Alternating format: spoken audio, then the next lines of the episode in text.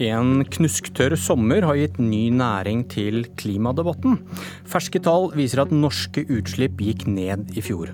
Men til hvilken pris? Klimautslippene skal ned, og de skal ned raskt, skrev klimaministeren i går. Tall fra Statistisk sentralbyrå viser at norske utslipp gikk ned med 1,7% i fjor. Og det er mindre utslipp fra veitrafikken som er den viktigste årsaken. Velkommen til Politisk kvarter, klima- og miljøminister Ola Elvestuen. Du er med oss fra Bodø. Ja, tusen takk. Du, hvor mye av de reduserte utslippene skyldes at vi importerer palmeolje som blandes inn i biologisk drivstoff i Norge? Ja, det er en, eh, At biodrivstoff er én del av det som gjør at vi reduserer utslippene i Norge, er det, er det ingen tvil om. Og vi har en andel eh, palmeolje som vi er nødt til å få ned i åra framover. Men samtidig så er det sånn, selv om du regner med det, og selv om du regner med også den indirekte utslippseffekten som er mye diskusjoner, diskusjoner om, risikoen for det, så gir biodrivstoffsatsingen fortsatt en positiv effekt i, i det internasjonale klimaregnskapet med omtrent 300 000 tonn. Du satt selv i dette studiet i mai og innrømmet at produksjon av palmeolje kunne føre til avskoging og utslipp i utlandet. Og har du ikke en liten bismak i munnen når du nå sier at sitat, reduksjonen av norske klimagassutslipp er betydelig i 2017. Det er gode nyheter og et resultat av langsiktig og målrettet politikk. Ja, men Det er det jo. Eh, og det vi skal ha ned, er jo selve forbruket av drivstoff innenfor transportsektoren. Og det som må være hovedsatsingen i åra framover, er satsing på nullutslippskjøretøy, elbiler innenfor skipsfarten og andre områder. Der gjennomfører Norge tiltak som ingen andre land er i nærheten av. Og så må vi også få opp eh, den avanserte drivstoffet som ikke ikke biodrivstoff som ikke har denne effekten. Det eh, avanserte biodrivstoffet ble også dobla i forbruket i 2017. Den trenden må vi forsterke i året framover, sånn at det blir mindre palmeolje. For dilemmaene omkring biodrivstoff det er vi definitivt eh, klar over, og nettopp derfor så må vi satse på nullutslipp et bedre klimaregnskap for det biodrivstoffet som vi bruker, og redusere bruken av palmeolje. Vil du gjøre noe med avgiftsfritaket som gjør palmeoljen så billig? Nå har vi et omsetningspåbud for biodrivstoff, som er den store driveren. Det vil øke i åra framover, og vi har et eget krav på avansert biodrivstoff. Når det går inn på det som går på avgifter, så tror jeg vi skal avvente statsbudsjettet før jeg sier noe omkring det. Talsperson for Miljøpartiet De Grønne, Arild Hermstad. Hva tenker du om at utslippene fra veitrafikken i Norge gikk ned med nesten 10% i fjor, eh, ifølge disse foreløpige tallene? Eh, isolert sett ser det veldig bra ut, men eh, totalregnskapet her syns jeg at eh, her syns jeg at eh, klima- og miljøvernministeren det er litt flaut at han skryter av dette og sier at det er et resultat av en målrettet innsats, for det kuttet totalt sett er bitte lite. Eh, det er milevis bak det som trengs for at Norge skal nå sine egne klimamål. Og Norge har de elendigste klimamålene i, i hele EU. Eh, og vi er ikke engang på sporet til å klare de. Vi må altså tredoble kuttene de neste årene. Ja, men dette, men det, ja. I tillegg så er det sånn at biodrivstoff eh, er jo hovedkilden til utslippskuttene.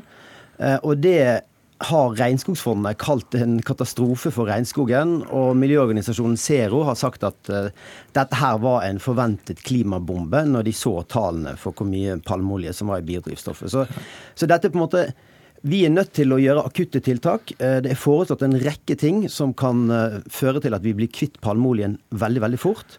Og da må vi heller satse på de sikre tiltakene, hvor Elvestuen Eh, er helt på sporet av noe når han snakker om elektrifisering av bilparken. Eh, det går for sakte. Men han må også se på hvordan vi kan få ned biltrafikken. altså Ikke legge opp til den veksten men, som regjeringen legger opp til. Men det gjør vi jo. Nettopp derfor så har vi jo det nullvekstmålet i de store byene. Og satsingene på kollektivtransport har økt dramatisk de siste årene. Og det vil det være også innenfor Nasjonal transportplan. Og så har vi jo nettopp fordi vi skal sikre at hvis man har en forpliktelse til å redusere utslipp i Norge, så ønsker vi å få på plass en avtale med EU om 40% reduksjon fram mot 2030. Det er et viktig tiltak som vi trenger å få på plass i år.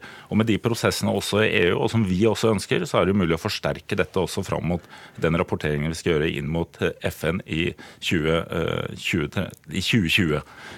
Så vi må forsterke innsatsen, men det er jo likevel positivt at vi har en nedgang på 1,7% i 2017. Det var en nedgang på 1% før det. Og så må vi forsterke innsatsen, for det er jo helt riktig at den reduksjonen vi som andre land skal ha i åra framover, må være større for hvert år som går eh, framover. Her, Herme Hermstad, var, dere var da raskt ute og kritiserte tallene fordi denne palmeoljen kan føre med seg utslipp i andre land. Men så nevnte du elbiler.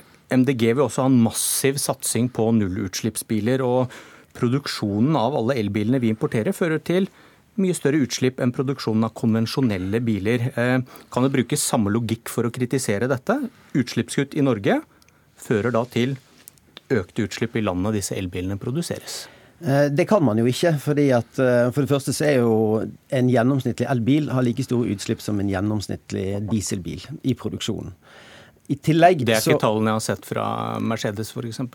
Ja, det er altså noen Tesla f.eks. har litt høyere utslipp, men marginalt så er det ganske likt. Og så er det også viktig å vite at vi har ikke noe valg. Vi er nødt til å elektrifisere mm. bilparken. Og vi må ikke bare det, vi må elektrifisere fergene, gravemaskinene og en haug med andre ting hvis vi skal fortsette å ha den mobiliteten vi har. Men, men, men spørsmålet som ligger under, da, når vi snakker om dette regnskapet og hvordan man skal telle utslipp.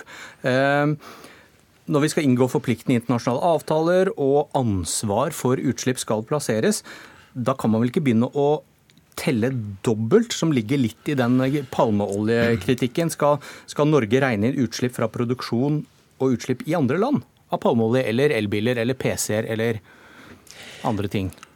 Eh, vi, jeg tror vi bør ha en regel om at tiltak som utelukkende gir økte utslipp i, utlandet, det bør vi være veldig skeptiske til. Og så bør vi være Vi må jo merke oss at folk er ganske utålmodige. Men det, dette er vel andre land sitt, eh, sitt ansvar, da? Når vi eksportere olje, så må det være de som forbrenner den fossile gassen ja, eller oljen, som tar det på sin, sin, kappe. Hvis det var så enkelt, så ville jo ikke Norge brukt milliarder av kroner på å verne regnskogen, sånn som vi gjør i dag.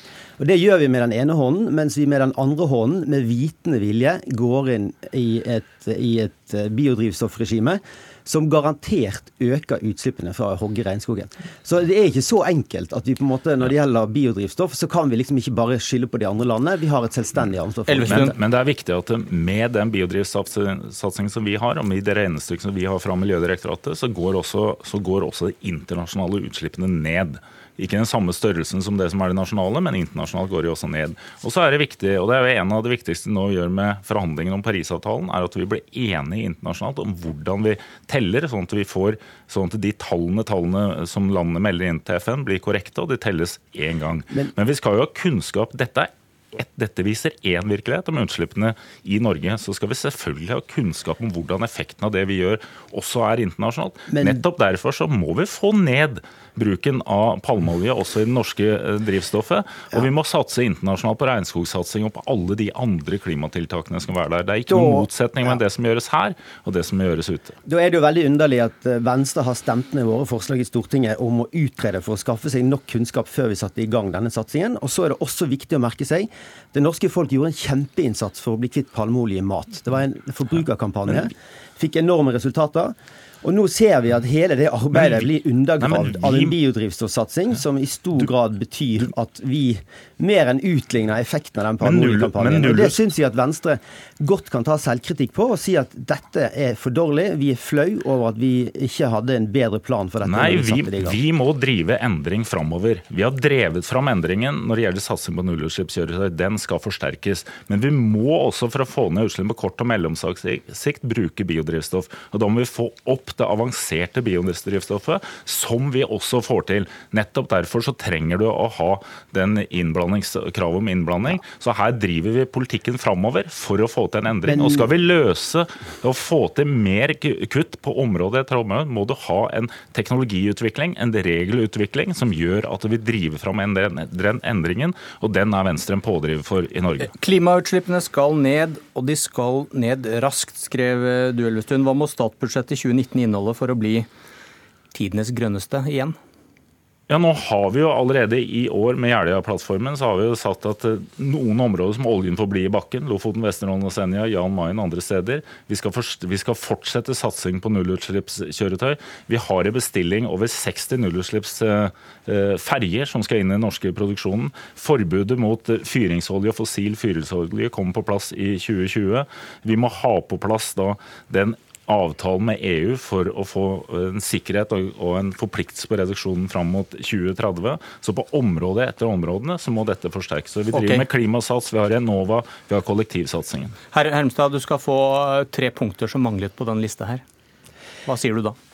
Jeg kan gjerne ta ett punkt, og det er jo at Elvestuen eh, for lengst har lagt til side de kravene de hadde overfor oljeindustrien, nemlig å fjerne leterefusjonsordningen og stanse 24. konsesjonsrunde. For det, Hvis ikke vi går løs på oljeindustrien, så er de klimamålene våre ikke troverdige. Takk for debatten, Arild Hermstad, Ola Elvestuen. Abonner på Politisk kvarter som podkast og få sendinga rett til din mobil. Aksel Brånen Sterri, stipendiat i filosofi ved Universitetet i Oslo. Velkommen inn. Tusen takk. Hva passer vel bedre til frokosten enn å filosofere litt rundt valgsystemer? Um, aller først, hva kan problemet være med sånn vi gjør det i dag? Én borger, én stemme. Ja, Det sies jo gjerne først at dette her er et veldig veldig bra system, fordi det gir alle de, det gir folk de tingene de vil ha. ikke sant? Hver og en av oss kan stemme på de tingene vi har, og så får vi det tilbake. Man ser også det som reflekterer et moralsk ideal om at hver borger er like mye verdt.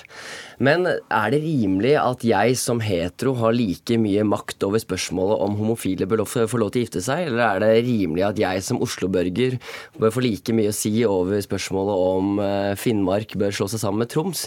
Det virker mindre rimelig. Og det som her mer generelt eh, står på spill, eller er problemet, er at eh, noen saker bryr vi oss masse om og kan masse om, mens andre saker kan vi ingenting om og bryr oss ikke om i det hele tatt. Men likevel så har vi ingen mulighet innenfor dagens system til å nettopp vise eller få mer makt over de spørsmålene vi kan mer og bryr oss om. Du, du skrev om et alternativ i Dagbladet. Um, ut fra en bok du har lest, da, 'Radical Markets' av Postner og Whale. Eh, et kvadratisk valgsystem. Kan du forklare hvordan det fungerer? Ja, altså man kan starte det er, det er, to ulike modeller, egentlig. Eh, og man kan se det som først et, eh, alter, et alternativ til. Eh, eller la oss heller ta det, ta det, som kan være noe som kommer i tillegg til det som er dagens system. Og det kan være det er veldig få folkeavstemninger vi har i dag. Uh, og uh, det skyldes nok at det er mange problemer knyttet til folkeavstemninger. Men hvis vi kunne tillatt det å gi folk uh, si mange stemmecredits, kan man kalle det, si at du f.eks. kan få 200 stemmer hvert år. Og så vil det komme opp kanskje ti folkeavstemninger det året. Så da kan du enten bruke, ikke velge, ikke bruke noen av disse stemme, stemmene dine, de 200 stemmene dine. Kan du la vi, hvis du ikke bryr deg om en konkret sak? Ingen av de sakene som kom den, det året der, vil du ikke bry deg om. Så kan du spare og spare og spare for hvert år. Men når det kommer noen saker du virkelig virkelig bryr deg om, så kan du bruke alle stemmene du har spart på de sakene du bryr deg om. Så for hvis du Palmeolje, folkeavstemning om palmeolje. Eller EU, eller hva det skal være. Så hvis vi virkelig blir det om EU, så kan jeg tenke her legger jeg alle mine, mine stemmer. Et problem med den modellen er at da vil noen svært intense, de som har svært intense preferanser, f.eks. kan man tenke seg at det blir noen spørsmål folkeavstemning om innvandringspolitikk. Noen bryr seg veldig om innvandringspolitikk, og de kanskje vil ikke ha noen innvandrere inn. Da vil man kanskje tenke at de får altfor mye makt, så det er her det kvadratiske kommer inn. Og nå blir det litt vanskelig. Eh, så istedenfor at nettopp det blir eh, Si at du har samlet opp 400 stemmer, da, som du kan gi 400 stemmer eh, for en mer restriktiv innvandringspolitikk, så vil det være at hver nye stemme blir kvadratisk dyrere. Så første stemme koster én. Eh, andre stemme koster fire. Tredje stemme koster ni. Fjerde stemme koster 16. Og så blir dette kjapt dyrere. Og den 16. stemmen blant annet, da koster 256 stemmer. Så det gjør at vi får da en trade-off mellom da altså det de som har veldig intense preferanser, og den tause majoritetens interesse i en sak. da. Nå var det mange som stoppet å spise rundt uh, frokostbordene. Men du, hvordan kunne dette fungert? Kunne det fungert på samme måte i et uh, valg, i et stortingsvalg? Det kan det absolutt. Og her, sant, blir det nettopp et alternativ til istedenfor dagens uh, valgsystem. og dette syns jeg er ganske interessant, for det man da kunne tenke seg er at man også her får flere stemmer å jobbe med. I dag er det et problem at du bare kan stemme på ett parti. ikke sant? Jeg syns egentlig da kanskje at MDG har bra, har bra politikk, men jeg syns også Arbeiderpartiet har en god politikk. Men her kan jeg da fordele mine stemmer utover de to partiene. Og de foreslår også at du kan stemme mot et parti. Så for eksempel, Hvis jeg syns Frp har en forferdelig innvandringspolitikk, så kan jeg også legge en ekstra negativ stemme på dem. Dette var et kvadratisk valgsystem på, på, tre minutter. Nå ble de som allerede er svette i valglokalet i dag, når de skal velge én stemmeseddel, ja, enda mer svette. Dette var eh, Politisk kvarter. Takk for at du kom, Aksel Bronnen Sterri. Jeg heter Bjørn Myklebust.